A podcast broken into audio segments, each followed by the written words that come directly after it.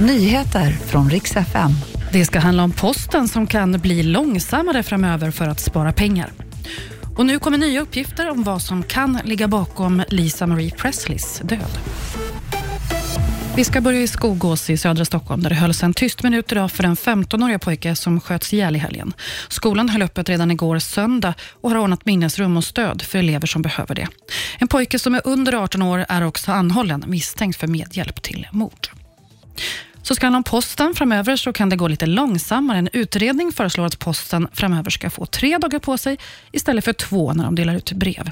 Utredaren säger att Sverige ändå kommer att ha Nordens bästa postutdelning och man räknar med att med det här spara massa pengar.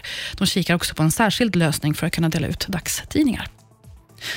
Så ska det handla om orsaken till varför Lisa Marie Presley dog. Det har ännu inte fastställts, men nu kommer uppgifter om att hon både har återfallit i sitt drogmissbruk och att hon gått ner extremt mycket i vikt veckorna före sin död.